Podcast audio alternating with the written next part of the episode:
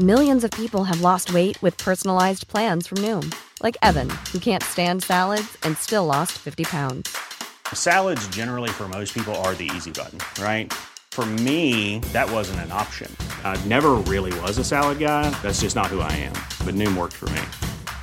Get your personalized plan today at Noom.com. Real Noom user compensated to provide their story. In four weeks, the typical Noom user can expect to lose one to two pounds per week. Individual results may vary. Burrow is a furniture company known for timeless design and thoughtful construction and free shipping, and that extends to their outdoor collection. Their outdoor furniture is built to withstand the elements, featuring rust-proof stainless steel hardware, weather-ready teak, and quick-dry foam cushions. For Memorial Day, get 15% off your Burrow purchase at burrow.com slash ACAST and up to 25% off outdoor. That's up to 25% off outdoor furniture at burrow.com slash ACAST. Hey, I'm Ryan Reynolds. At Mint Mobile, we like to do the opposite of what Big Wireless does. They charge you a lot, we charge you a little. So naturally, when they announced they'd be raising their prices due to inflation, we decided to deflate our prices due to not hating you.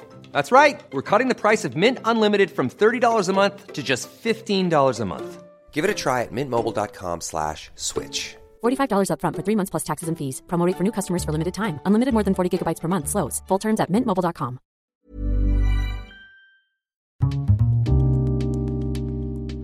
Det här programmet handlar om en noga utvald bok och ett samtal med dess författare. Välkommen till Lära från lärda.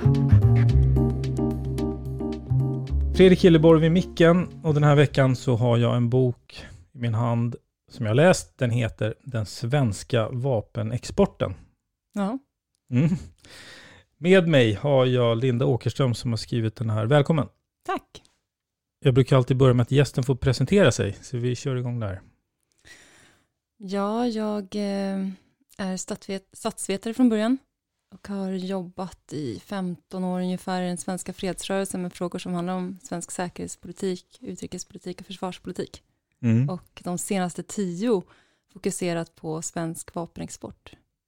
Mm. Och jobbar just nu som policychef och sakkunnig i den frågan på Svenska Freds, som är Sveriges största fredsorganisation och en stor kritiker ska sägas till svensk vapenexport. Ska man ha det med sig när man läser och hör det här, att du har det perspektivet? Jag tycker alltid man ska ha med sig det perspektivet, oavsett vad man läser eller hör vem det är som har skrivit det, Mm. var det kommer ifrån. Men um, om man läser boken så redan i inledningen så är själva inledningen en scen från när jag besöker en vapenmässa i Abu Dhabi, Förenade Arabemiraten. Mm. Och redan där så, så är det väldigt tydligt vad min roll är, eller att jag jobbar för en förening som är som kritisk till den här exporten och att jag jobbar med att ifrågasätta den. Mm. Men boken är ju inte skriven, tycker jag, och har jag också fått eh, liksom respons kring. Att eh, det är liksom ingen debattbok, utan det, är det är mer en... Eh, Det är mycket fakta. ja, det är mycket fakta. Det är mer, eh, här har du frågan, vad tycker du om den? Mm. Kanske det upplägget mer. Det jag tänkte på när, när jag första gången såg titeln, den svenska vapenexporten, då f- förflyttar sig mina tankar till 80-talet, Bofors. Eh, känner du igen det? Um, jag tänker att det var för att eh, den skandalen kring Boforsaffärerna gjorde väldigt stort väsen av sig. Då var det ju på, eh, på löpsedlarna varje dag. Och sen det ju Peter Dokumentär i efterhand. Alltså det har ju...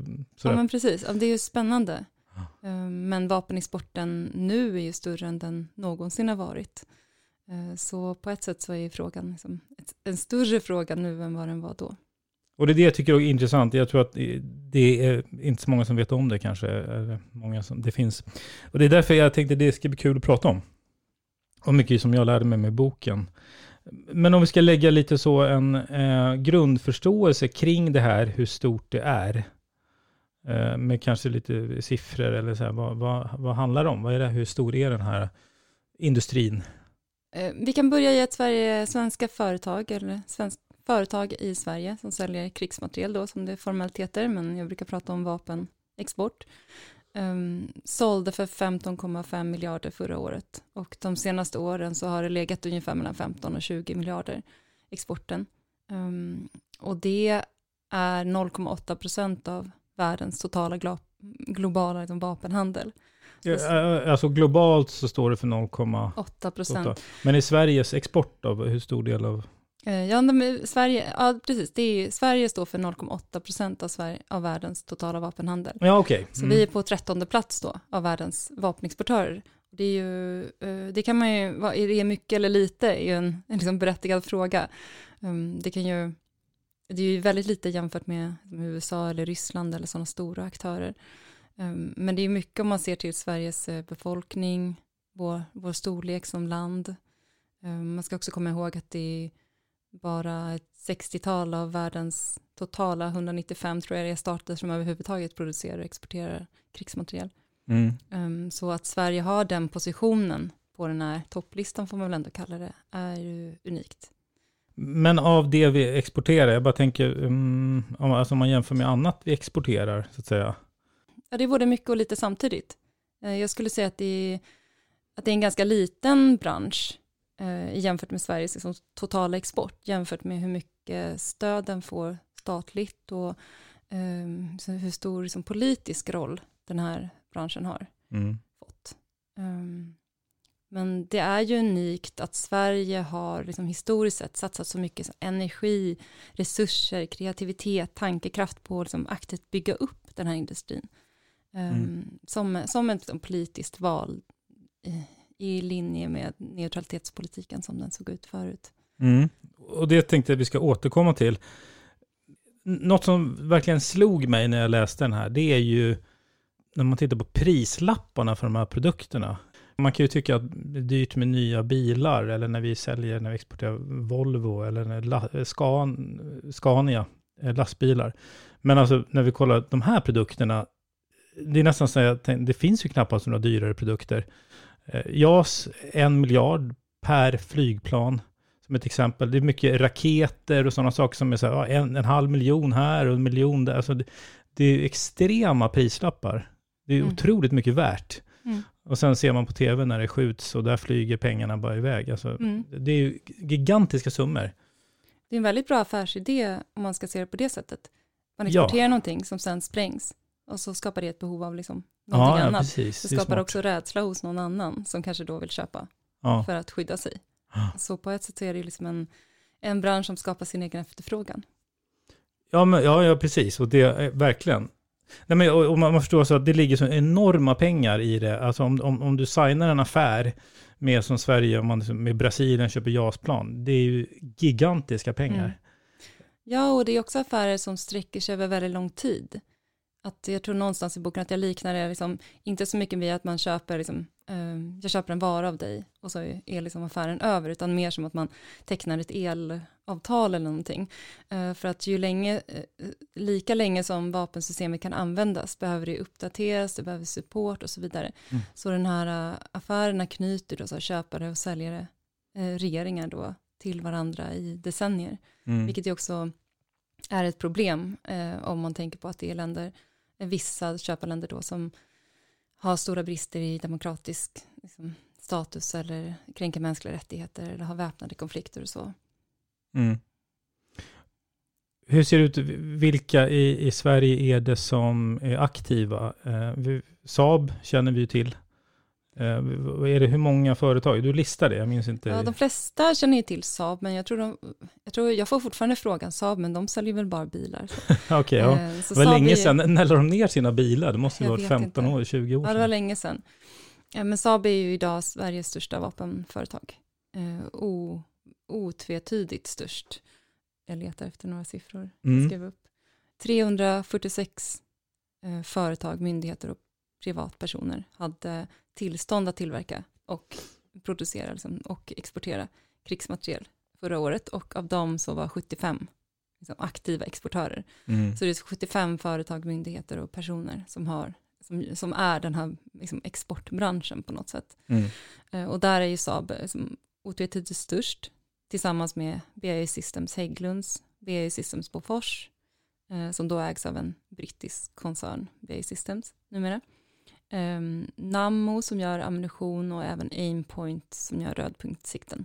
Mm. Eh, och så finns det ju många fler och många underleverantörer. Så det är mycket jobb också inom den här branschen. Ja, är det det? Alltså det är ju ett sånt vanligt argument um, som vi möter, inte bland politiker och så, som känner till den här, som känner till den här branschen och frågan väl, men i den allmänna debatten så är ett av, liksom, mo, ett av förargumenten för vapenexport absolut att det skapar jobb. Men eh, den senaste siffran som jag har fått fram är från vapenlobbyns egna organisation som säger att det var 11 000 personer då, det var för några år sedan, som jobbade med liksom, krigsmaterielproduktion, vapenproduktion. Mm. Um, och det jag räknar ut i boken är 0,3 procent av Sveriges sysselsatta. Så det, det, här är liksom inte en jättestor, det handlar inte om jättemånga jobb. Liksom. Um, och jag tror att om man skulle, liksom, det finns lite forskning på det här, men det är framförallt i Storbritannien, där man har kollat på så här, det stöd som den här branschen får av staten och jämfört det med liksom antalet jobb som kommer ut. Eh, och slutsatsen är väl ungefär att så här, ja, vill, man vill man skapa jobb, vill man stötta en bransch för att skapa jobb, då finns det liksom andra branscher som man känner, som leder till fler jobb, mm. om man säger så, um, eh, än just den här. Så anledningen till varför Sverige liksom stöttar en vapenindustri eller tillåter en vapenhandel är ju inte på grund av jobben. Eh, men det kan ju vara ett argument som jag tror är väldigt tacksamt för politiker att använda utåt i debatten. Det är liksom lättare att förstå eh, och det är ett tacksamt argument liksom, när man ska försvara liksom, obekväm export till Saudiarabien eller Thailands diktatur eller någonting sånt. Mm. Över tid ja, eh, så har ändå exporten ökat. Absolut. På, ja. I de flesta parametrar, alltså hur mycket vi säljer och, och så vidare. Till, men, och, ungefär, för har du några, någon siffra eller någon ja. statistik som... Exporten har ökat äh, jättemycket, får man ändå säga. Det är inte ett, så ett forskningsmässigt uttryck, men äh, sen början av 2000-talet ungefär fem dubblas, sex dubblas beroende på liksom år. Um, och uh, antalet länder som Sverige säljer till har ju också ungefär fördubblats sedan 1990-talet. Mm. Um, så vi säljer ju mer och till fler. Mm. Och vad är det vi säljer då? Ja, allt, eh, allt möjligt. Alltså, um, om man försöker så här urskilja svensk vapenhandel, um, om man jämför den med liksom den globala vapenhandeln på olika sätt, um, så brukar man säga att Sverige ändå utmärker sig för att uh, Sverige har satsat så mycket resurser på att bygga upp en industri som är väldigt bred. Uh, andra länder har en mer specialiserad industri. Ehm, men Sverige och några länder till har eh, liksom investerat i en väldigt bred industri. Så Sverige eh, liksom producerar och exporterar allt från liksom ammunition, kamouflagesystem, mjukvara, eh, stridsflyg, ubåtar, eh, ja, krigsbåtar, eh, pansarvagnar och så vidare, radarsystem. Det är väldigt liksom brett.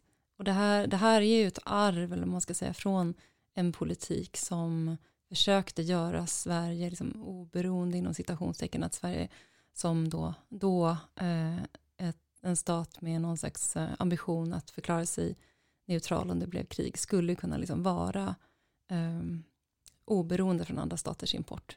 Nu var vi aldrig det, men det var det som var tanken. Eh, mm. så det är liksom det här historiska arvet, eller vad man säger, hänger kvar i den här breda industrin. Mm. Och apropå det arvet, jag tänkte det kan man ju också eh, prata mycket om kring den här, eh, vad ska man säga, komplexa situationen mellan att vi ses, eller kanske har en självbild av att vi är oberoende, eh, sen att vi inte exporterar till länder eh, som missbrukar sina vapen eller som är i krig. Eller det, det, det finns ju massa delar i det där. Eh, men samtidigt också, en del av det är att vi också vill ha kompetensen hos oss själva, att vi vill ha tillgång till Alltså det är kopplingar till vårt eget försvar. Eh, och så det, det, det, är så många delar i den här mixen. Ja, men en av de saker som gör att jag fortfarande tycker det här är så intressant efter så många år är just att så här, i vapenexporten eller um, så krockar så mycket olika saker. Um, det är liksom utrikespolitiken, försvarspolitiken och säkerhetspolitiken och allt annat känns det som, som möts i det här i någon slags olöst dilemma. Ehm, där Sverige liksom länge har velat göra två saker samtidigt. Man vill vara den här goda som humanitär stormakt, jämställdhet, mänskliga rättigheter, nedrustning och fredlig konflikthantering och medling och så. Samtidigt så har man velat ha det här liksom, stora starka försvaret som ska då stå på egna ben eh, med liksom, eh, ryggen i neutralitetspolitiken, vilket har gjort att man har eh, skapat, man har accepterat skulle jag säga, eh, vapenhandel som ett som nödvändigt ont, som ett, det priset man fick betala för att täcka eh, ett glapp mellan det vapenindustrin ville producera och det som försvarsmakten och behövde. Och så är det ju fortfarande nu. Just det. Liksom, försvarsindustrin, eller vapenindustrin i Sverige, eh, vill producera mer än vad det finns behov av att köpa in hos Försvarsmakten. Så att man helt enkelt krasst så tar man pengarna man tjänar på att liksom kunna utveckla. Men eh, vapenindustrin i Sverige är ju helt privatägd, så de, de pengarna som tjänas av de här 15,5 miljarderna förra året, de går ju till privata företag, inte sällan liksom internationellt ägda. Så det här är också ett, ett missförstånd som jag ofta möter på, eller en myt att det skulle liksom ge, att det skulle vara i första hand för att tjäna liksom skattemedel. Det handlar mer om att man vill säkra eh, produktionen av vissa typer, framförallt av vapensystem i Sverige. Man vill Mm. kunna ha en vapenindustri i Sverige. Det anses vara liksom säkerhetspolitiskt viktigt att kunna ha en vapenindustri i Sverige. Och för att den ska överleva då, med den bristande efterfrågan som det svenska försvaret det. Mm, kan mm. eh, bidra med, eh, så tillåter man den här exporten. Eh, Så har varit liksom grundargumentet. Och sen har det utvecklats under liksom decenniernas lopp till att vara så här, istället för, eh, istället för bara oberoende så har också samarbete blivit en del av argumentationen. Att man vill att de här vapenföretagen ska kunna samarbeta med andra för att ligga liksom långt fram i utvecklingen och så vidare. Mm. Precis. Och så har man liksom kommit till en situation där man mer och mer eh, ser på vapenexport som någonting som är bra i sitt, sig själv. Inte som ett nödvändigt ont, kanske lika mycket, utan också som någonting som är gott. Och där, där har liksom olika partier olika syn på handeln. Mm. Det kanske det här nödvändigt ont mer förknippas med en så socialdemokratisk syn. Och eh, där mer högerpartier står för det här, liksom att man tycker att vapenexport är en bra sak. Det känns som att det är ett förvånansvärt stort glapp mellan de här frågorna och industrin mot vad, vad det diskuteras eller rapporteras om medialt. Hur menar du då? Man läser ju aldrig någonting knappt om vapenindustrin, förutom om det är så här, nu är det en på gång en affär med JAS, är det Mm. väl då i sådana fall. Alltså, om det är en JAS-affär på gång, det är senast jag minns, de, som tio år tillbaks, om jag har läst någonting om vapenindustrin så har det varit det. Mm. Eh, nu är inte det på något vis heltäckande, men jag tänker att det, det diskuteras eller rapporteras inte mot att det ändå, den, här, den har växt och det är en Mm. komplex fråga. Det, alltså, så här, i, I den allmänna debatten så syns inte det här så mycket, tycker jag i alla fall. Mm. Eller? Ja, men vad intressant. Jag tror folk tycker olika, eller uppfattar det där lite olika. Men ehm, jag håller med om att det finns liksom en särskild sorts rap- rapportering som behandlar liksom vapenindustrin som vilken annan industri som helst. Det är som mer industrisidorna och nu har den här affären kommit eller Saabs aktie har ökat med så här och så här mycket. Och sen har vi en andra p- rapportering som kanske handlar om så här eh, människors situation i Jemen, Sveriges relation till eh, liksom Saudiarabien, Eh, Och att det finns ett antal journalister som liksom då väver ihop de här två och gör någonting som handlar om så här Sveriges relationer och vad vapenhandeln kan, är uttryck för Mm. och eh, hur det påverkar varandra och så. Um, Men det, det, jag håller med om att, det, att jag i alla fall tycker att det borde pratas mycket mer om det. Att det finns, jag kan sitta framför tvn och, liksom, och nästan ropa på rutan. Det är så här, men fråga om vapenexporten. När Mm. ni pratar om, om Jemen, ni pratar om Thailand eller någonting sånt. Mm. Eh, Ja men precis, det tas inte upp i dem. Och det, jag kan knappt minnas att det heller att man hör politiker debattera eller f- få svara på det och ta ställning kring det särskilt mycket. Utan det är så många andra frågor som ligger före, mm. framför. Ja, men det är ju det här att det krockar, det tror jag är, det känner ju också politiker av. Och det finns en, mm, det är få politiska, politiker som är bekväma med att prata om den här krocken. För den är väldigt obekväm. Ja, ehm, att stå för att, ja, nej, men för att Saab ska, vi tycker att Saab ska eh, få bra eh, försäljningsförutsättningar så är vi beredda med att låta, eh, låta dem för, liksom stödja en förtryckande regim i Saudiarabien där kvinnor inte ens får vara myndiga hela sina liv. Mm. Alltså den krocken eh, är ju obekväm och det är ju få som vill ta i den. Man vill prata om kvinnors eh, rättigheter och eh, eh, kvinnorättsförsvarares liksom, roll. Det vill man prata om i ett sammanhang och sen vill man prata om vapenexporten och högteknologi och försvarets liksom, styrka i ett annat sammanhang. Det. Man, är Mm. inte, man vill ju liksom ogärna att de ska eh, kopplas samman för då blir det ju obekvämt. Mm. Men det här med att få sälja tillståndsprocesserna och, och det är liksom ett virvar av organisationer, eh, myndigheter, alltså så här, tillståndsdelen av det. När jag läste det, det var så många inblandade så det känns som att hänga med i Game of Thrones rollbesättning på något vis. Eh, Men hur, hur går det till och vilka är det som be- bestämmer och tar beslut? För det är ändå en huvudaktör, de här i, i ISP. ja, Ja, en sak som också är unikt för Sverige som vapenexportör är att vi, alltså de som fattar besluten om vilka, vilka företag som ska få exportera till vilka länder vad, eh, är inte liksom inom utrikesdepartementet eller i regeringen, vilket det som regel är hos andra länder.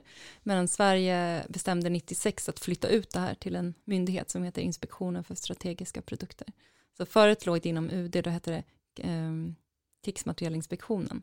Och sen blev det då Inspektionen för strategiska pr- produkter, ett lite liksom bedrägligt namn. Men de, eh, det är de som är liksom huvudaktören skulle jag säga. Så när ett företag säger att Saab vill sälja ett radarsystem till Förenade Arabemiraten, då är det till ISP som de skickar in sin ansökan.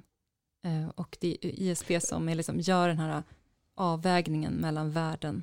Eh, An- Ansöker man för en ny produkt eller till ett nytt land eller för varje ny affär? Eller? För varje ny affär så um, man kan få tillstånd för ett visst antal system till det här landet och så är det liksom en rågång där. Mm. Så finns det, det finns andra upplägg också till olika länder, men om man ska förenkla det så handlar det så om det. Mm.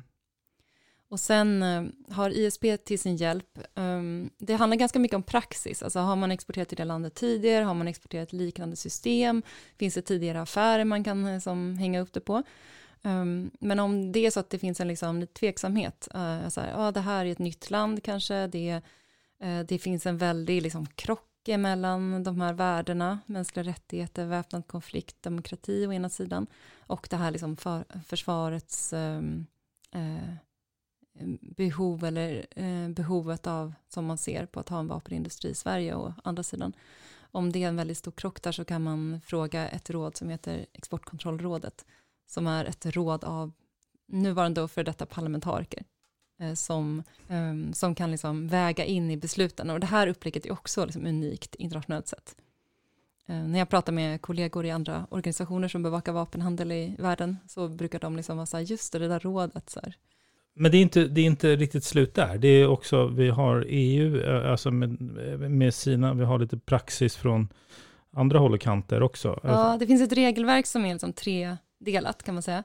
Um, så det finns uh, ett FN-regelverk som Sverige följer, um, ska följa. Och det är liksom, um, ja, och så, ja, precis, vi kan ta det där. Det finns ett FN-regelverk, det finns ett EU, en gemensam ståndpunkt i EU. Och sen finns det Sveriges eget regelverk. Och som regel är Sveriges re eget regelverk alltid striktast. Vilket är det första? Vilket är det, det som bestämmer? Nej, men det som är striktast bestämmer i varje affär. Så alla de här Okej, tre de filtreras ska man liksom, Ja, precis, det, så okej, kan ja, man säga. De filtreras igenom de här. Så att egentligen i praktiken så är det sällan att, att så att säga, eh, politik, de, de, de eh, aktiva politikerna, eh, regeringen blir inte direkt inblandad. Nej, som regel, men sen finns det möjligheter till det också. Mm. Om det är så att eh, det, det är liksom, det är någon, ett, liksom, ett riktigt viktigt fall. Till exempel, eh, nu är det ju så att det är sekretessbelagt vilka, man, vilka fall man skickar upp, men eh, i särskilt viktiga fall så kan ISP som hänvisa, hänskjuta besluten till regeringen. Regeringen är alltid liksom slutgiltig ansvarig för svensk vapenexport. Mm. Um, och då kan de säga så här, nej men det här får ni besluta om. Uh, vi har ingen vägledning, vi har ingen praxis. Um, eller så kan regeringen också säga, nej men alla beslut som handlar om det här landet, de vill vi bestämma om. Så regeringen har alltid liksom den möjligheten. Ja. Um, vilket vi brukar, liksom, uh, jag brukar vilja påminna om, att det, så här, det går inte att bara liksom, uh, frånsäga sig ansvaret som regering, utan här är det alltid regeringen som är ansvarig. Men det är ju alltid bekvämare att, att äh, sätta någonting på en myndighet, fast man gör med räntan. Mm. Då behöver man inte som helt ha Ja. ansvaret. Eh, Men ja, precis. Burrow's furniture is built for the way you live. From ensuring easy assembly and disassembly to honoring highly requested new colors for their award-winning seating, they always have their customers in mind. Their modular seating is made out of durable materials to last and grow with you. And with Burrow, you always get fast, free shipping. Get up to 60% off during Burrow's Memorial Day sale at burrow.com slash ACAST. That's burrow.com slash ACAST. burrow.com slash ACAST. Everyone knows therapy is great for solving problems, but getting therapy has its own problems too, like finding the right therapist, fitting into their schedule, and of course, the cost. Well, BetterHelp can solve those problems. It's totally online and built around your schedule. It's surprisingly affordable too. Connect with a credentialed therapist by phone, video, or online chat, all from the comfort of your home. Visit betterhelp.com to learn more and save 10% on your first month. That's BetterHelp, H E L P. Hiring for your small business? If you're not looking for professionals on LinkedIn, you're looking in the wrong place. That's like looking for your car keys in a fish tank. LinkedIn helps you hire professionals you can't find anywhere else, even those who aren't actively searching for a new job but might be open to the perfect role. In a given month, over 70% of LinkedIn users don't even visit other leading job sites. So start looking in the right place. With LinkedIn, you can hire professionals like a professional. Post your free job on linkedin.com slash people today. Det låter nästan som att jag läst boken, men just det var lite, det är lite så här, aha, komplicerat med processerna och det är hela tiden ett, ett om mot män och det, det, i slutändan så får man ju en bild av att det är ganska godtyckligt, olika intressen väger mot varann Mm. eh, och det är praxis och alltså, så, så i slutändan så har, känns det som att man ändå gör affärer för att det är ändå så stora pengar och det har en annan betydelse.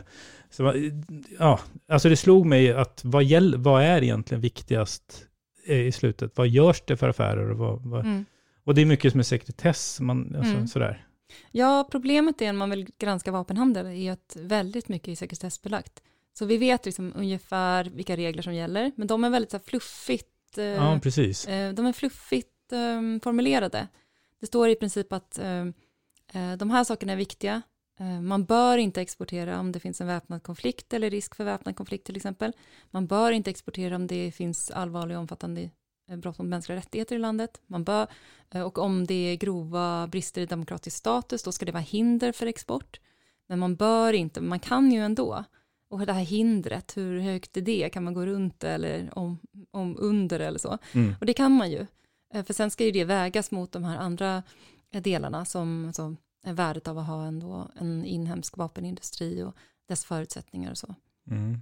Och den här avvägningen, hur den görs, det får vi väldigt lite information om. Mm. Och vi får inte veta i, i varje enskilt fall, ja, nu exporterades någonting till, ja nu till exempel så diskuterar man en eh, affär av JAS Gripen till Filippinerna, som har stora problem på flera av de här kriterierna, mänskliga rättigheter, demokrati, väpnad konflikt.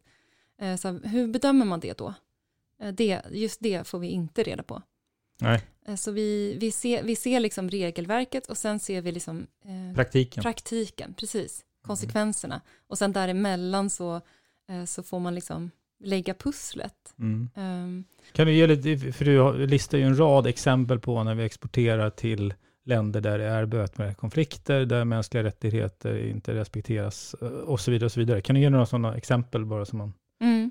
Det är ju regel att vi exporterar till länder som både är odemokratiska och rena diktaturer som ligger i väpnad konflikt och som bry- bryter mot mänskliga rättigheter och till och med internationell rätt.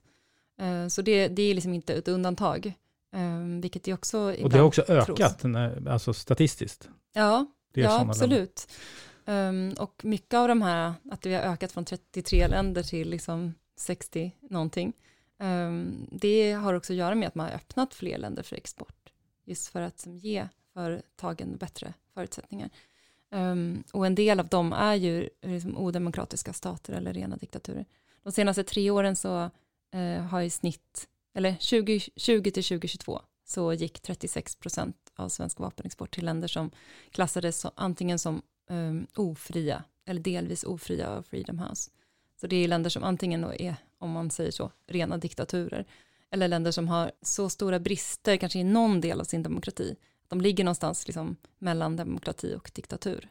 Och det är länder som eh, Förenade Arabemiraten, Qatar, Saudiarabien, eh, Kuwait, Malaysia, Mexiko, Ungern, Filippinerna, Pakistan, Singapore och andra. Mm. Eh, Förenade Arabemiraten var Sveriges största vapenkund 2020 och 2021. Mm. En enormt stor mottagare. Nej, och, och det intressanta blir ju där någonstans när man, precis, den där att man har praxis och säger en sak och gör en annan. Alltså mellan, eh, man äter kakan och kvar den. Man, man är Mm. intresserad av besluten och hur man resonerar. Okej att man gör så, men då får man väl kanske alltså, öppen med varför och vad, vad som väger tyngst och så. Ja. För att praktiken visar ju att det, det, man, det verkar ju som att det, själva affärerna och andra intressen väger tyngre. Ja, att man får höra hela tiden att Sverige har en så strikt vapenexportpolitik. Den är så strikt, den är en av världens striktaste, vilket ju många länder säger ska sägas. Men om man tittar på utfallet så är ju Sverige ändå ett land som beväpnar diktaturer och människorättskränkare runt om i världen. Ehm, det tänker jag att det, huruvida vapenexportkontrollen är strikt eller inte eh, har ju mer att göra med vad som blir utfallet än vad som står på pappret. Ja. Men det finns också exempel på när de sagt nej. Det är inte så att allting, alla förfrågningar går igenom heller. Mm, Absolut inte. Nej, det finns varje år exempel på att Sverige säger nej till Ja. olika länder. Men ingen, ingen öppen statistik på ja, nej, vad går igenom och inte och så. Nej, det finns, inom EU så finns det ett system där länder, när man säger nej till någonting, eh, då måste man rapportera det till andra EU-länder. Så att inte företag ska gå och liksom shoppa runt och se, ja, eh, ja men då fick jag nej på det här, i det här landet så testar jag ett annat land. Eh, Så då ska man kunna liksom samköra sina bedömningar där. Eh, Och därför rapporterar Sverige så kallade denials varje år, vad man sagt nej till. Men det svenska systemet är också väldigt informellt. Så det är inte alla, eh, ja, och det betyder då att företag kan komma till ISB och säga så här, ehm, vi hade tänkt att börja marknadsföra till det här landet, eller vi hade tänkt att vi skulle vilja sälja till det här landet, och då kan ISB säga lite så här, nej men det tror vi inte skulle vara en bra idé. Och då hamnar det aldrig någon statistik. Då blir det inget din- så här, formellt denial, då, då har de aldrig kommit in med en ansökan. Mm. Och då har den heller inte blivit avslagen. Så eh, det är det svaret som vi får i alla fall när vi pratar med ISP. Man delar ju upp också i två kategorier. Krigs... eh, Krigsmateriel för strid och övrig krigsmateriel. Precis, och, och vilket ligger i övrigt. Ja, Och, man, va, och varför delar man upp det så? ja, eh, det tillkom någon gång under historiens lopp en uppdelning där. Och det är för att man skulle kunna ha lite striktare bedömningar vad gäller krigsmateriel för strid då. Så vi kan börja med vad som är krigsmateriel kanske. Man brukar säga att krigsmateriel är någonting som ska vara särskilt utvecklat för militär strid. Um, så det är liksom inte vad som helst som kan användas i en militär miljö eller som säljs till en militär. Um, om man säljer en lastbil så kan det vara helt okontrollerat. Men om man säljer en lastbil med ett särskilt som fäste på taket eller för ett eh, vapensystem eller som är bepansrat eller så, då kan det vara krigsmateriel. Ehm, och övrig eh, krigsmateriel för strid, det ska vara någonting som har förstörelsebringande verkan, pratar man om. Så det är liksom det som, spräng, det som spränger något.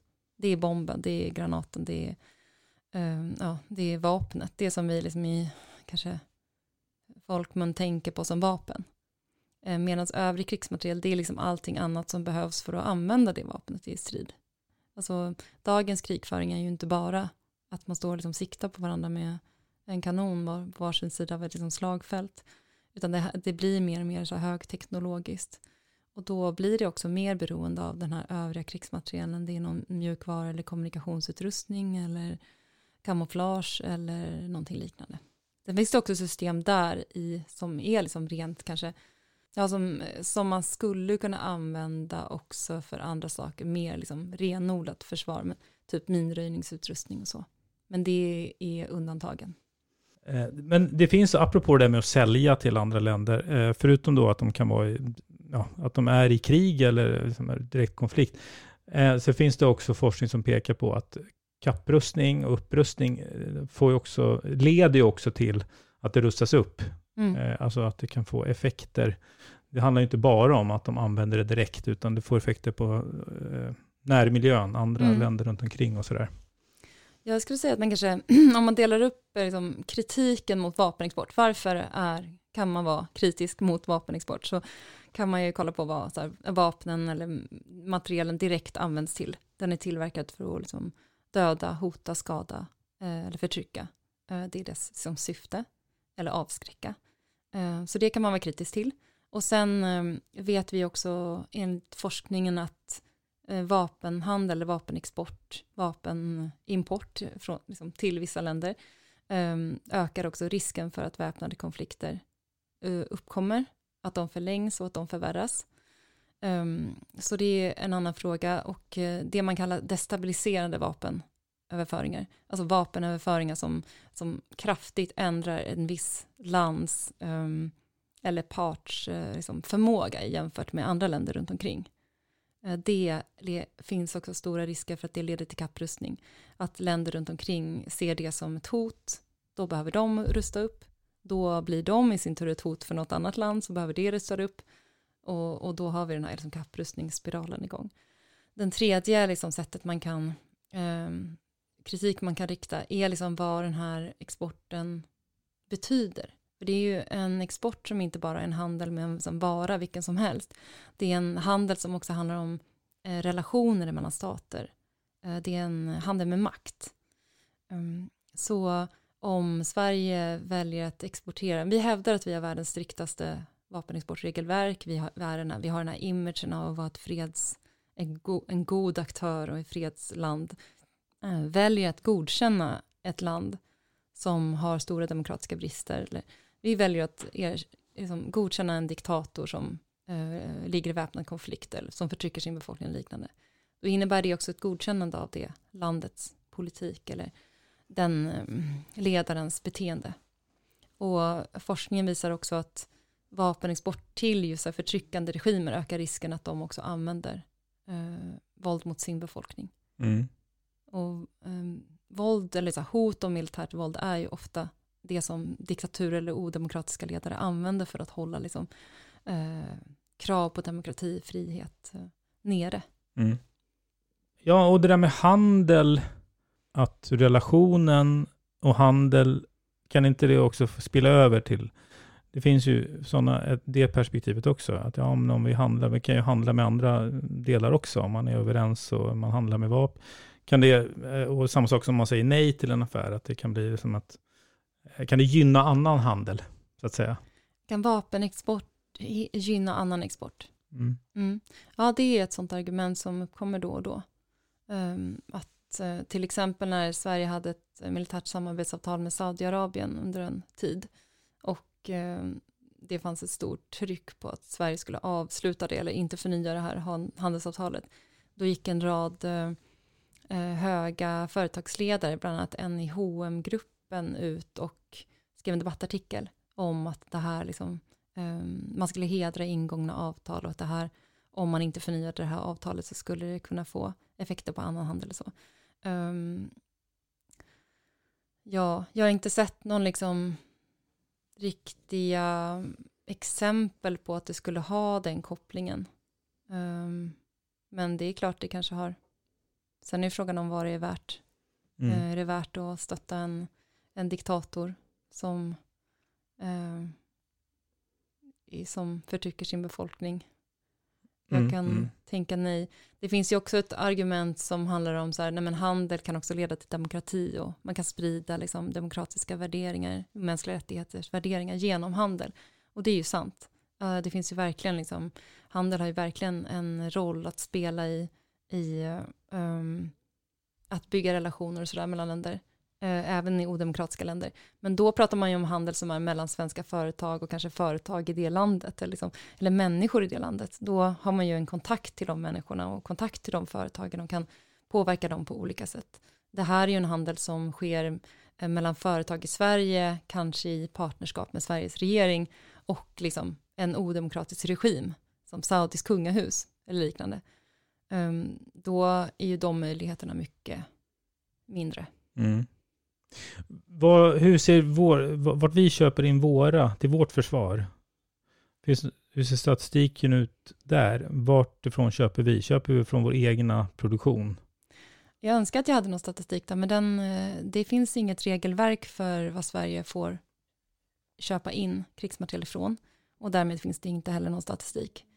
Um, till exempel har Sverige ingått ett avtal med ett israeliskt företag nyligen som heter Elbit som har varit inblandad i att uh, förse den israeliska staten med materiel som används för att um, övervaka ockupationen till exempel.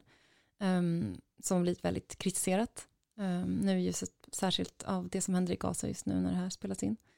Um, men jag vet inte vad Sverige köper in från. Jag skulle väldigt gärna vilja veta det. Um, det finns exempel på... Det är hemligt. Det är hemligt. Det finns pro liksom problematiska aktörer, till exempel ja, Belarus, det som kallades Vitryssland förut, och, och Israel. Det är väl de mest liksom, debatterade fallen. Men eh, Sverige köper ju in från mer än svenska företag, så kan man ju, det kan man ju konstatera. Det här med marknadsföringen av eh, de här produkterna. Du beskrev själv att du ja, i början på boken när du är på en sån mässa som är helt gigantisk. Där det ställs ut alla, alla pansarvagnar och flygplan. Och, mm. eh, speciellt att gå runt på en sån mässa. Ja, måste de, det ju vara. Kanske de mest bisarra dagarna i mitt liv. Vart var den någonstans? Det var, jag har varit på flera sådana mässor, men eh, den mässan som jag beskriver där eh, mest är, eh, var i Abu Dhabi i Förenta Arabemiraten. Ja, det, det var ingen liten Älvsjömässa direkt? Nej, jag tror det är tre gånger så stor som Svenska mässan i Göteborg, tror jag, mm. området var. Ja. Eh, men marknadsföringen eh, av eh, de här produkterna görs ju på massa olika sätt och du, du är ju inne på det, du nämner också Ibland kan det vara av betydelse eh, som kungafamiljen, eh, smid, eh, vad ska man säga, smörjer relationerna med vissa länder och sådär. Har du exempel på det, hur det kan gå till eller hur det har gått till på olika sätt? För, ja, förutom kungafamiljen, men vilka som är inblandade? Ja, det är inte, jag tycker det är väldigt intressant med marknadsföring av, av vapen. För att det, på ena sidan så är det liksom en egen det är så många egna förutsättningar som gäller för vapenförsäljning.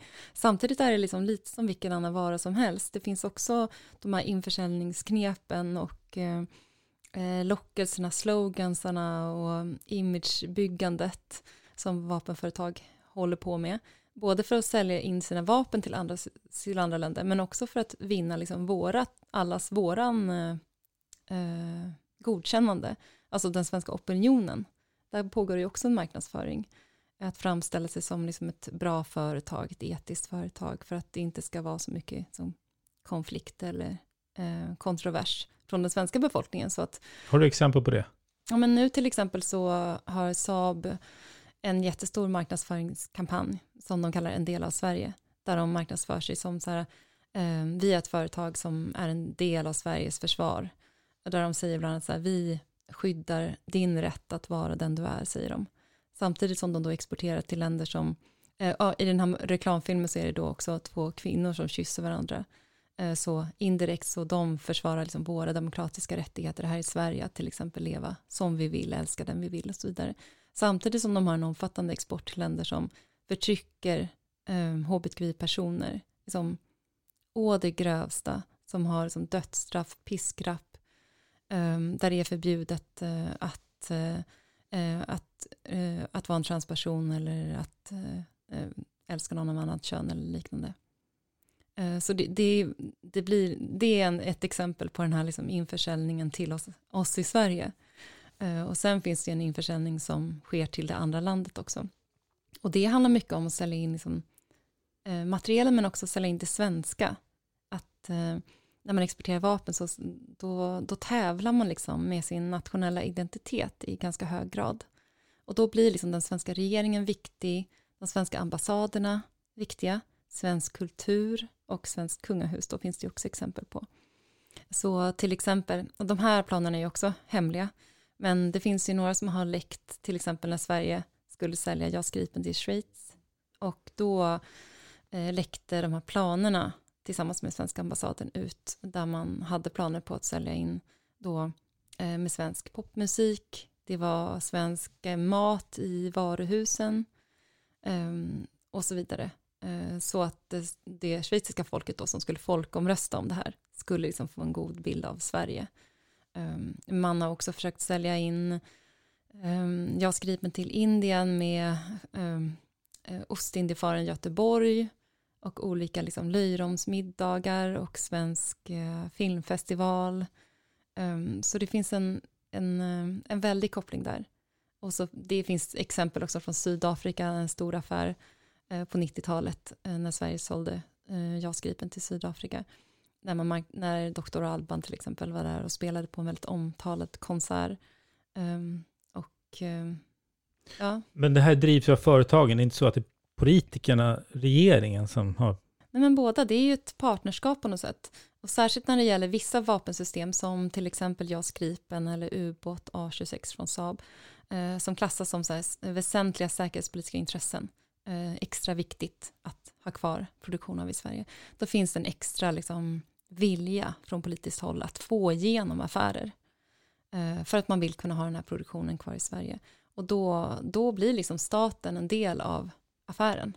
Eh, så det är liksom staten och kapitalet. Här är det liksom de privata vapenindustrierna tillsammans med svenska staten eh, och deras liksom förlängda arm i form av ambassader som gör det här liksom tillsammans. Mm. Vill du bara ge något exempel på det, just det där med när kungafamiljen eh, har, Victoria nämns ju eh, i boken, hur det är kopplat till just marknadsföringen. Mm. Det nämns ju till exempel i här, en stor affär med Saudiarabien där eh, myndigheten FOI skulle bygga en vapenfabrik eller vara med och bygga en vapenfabrik i Saudiarabien som fick väldigt stort som rabalder i Sverige 2012 tror jag det var.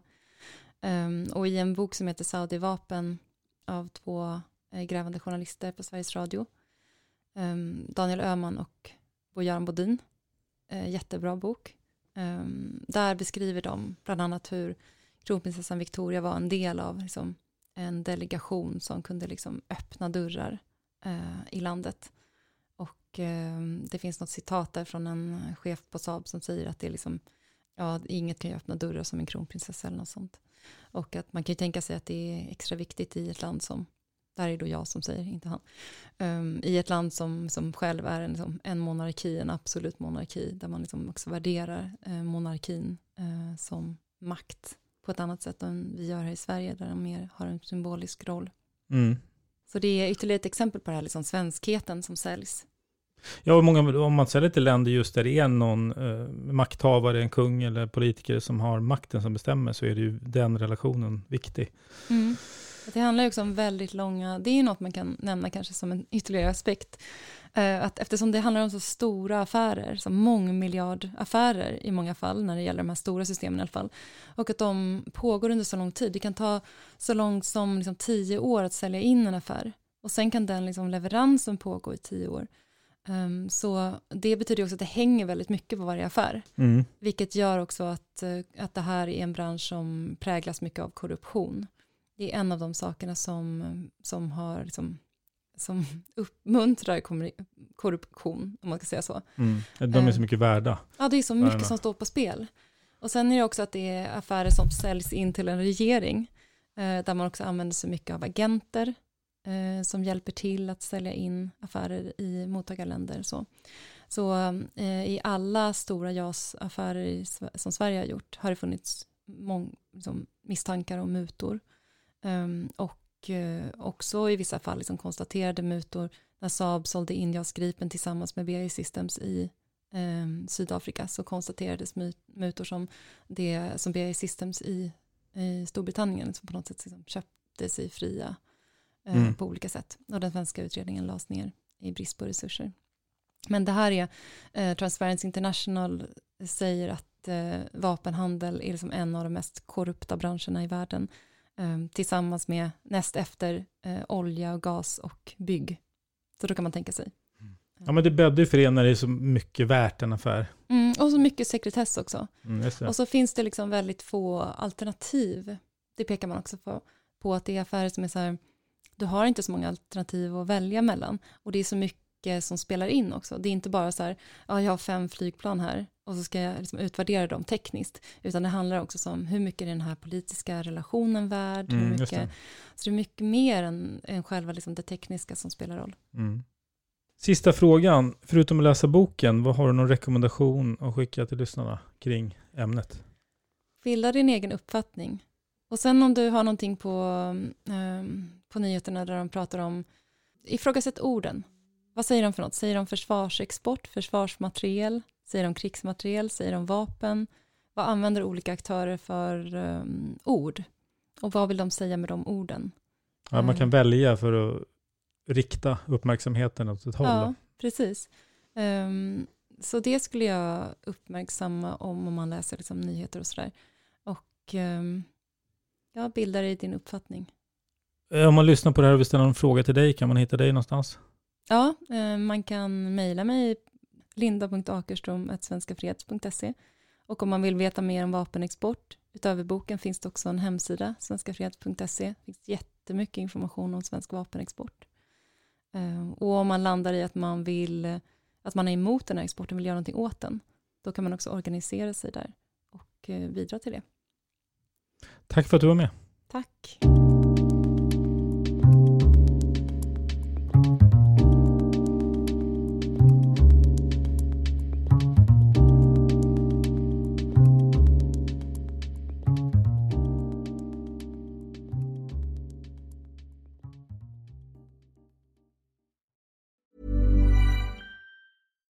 It's Paige DeSorbo from Giggly Squad. High quality fashion without the price tag. Say hello to Quince. I'm snagging high-end essentials like cozy cashmere sweaters, sleek leather jackets, fine jewelry, and so much more. With Quince being 50 to 80% less than similar brands. And they partner with factories that prioritize safe, ethical, and responsible manufacturing. I love that. Luxury quality within reach. Go to quince.com slash style to get free shipping and 365 day returns on your next order. Quince.com slash style. Imagine the softest sheets you've ever felt. Now imagine them getting even softer over time. That's what you'll feel with Bowl and Branch's organic cotton sheets. In a recent customer survey, 96% replied that Bowl and Branch sheets get softer with every wash. Start getting your best night's sleep in these sheets that get softer and softer for years to come. Try their sheets with a 30-night guarantee. Plus, get 15% off your first order at bowlandbranch.com. Code BUTTERY. Exclusions apply. See site for details.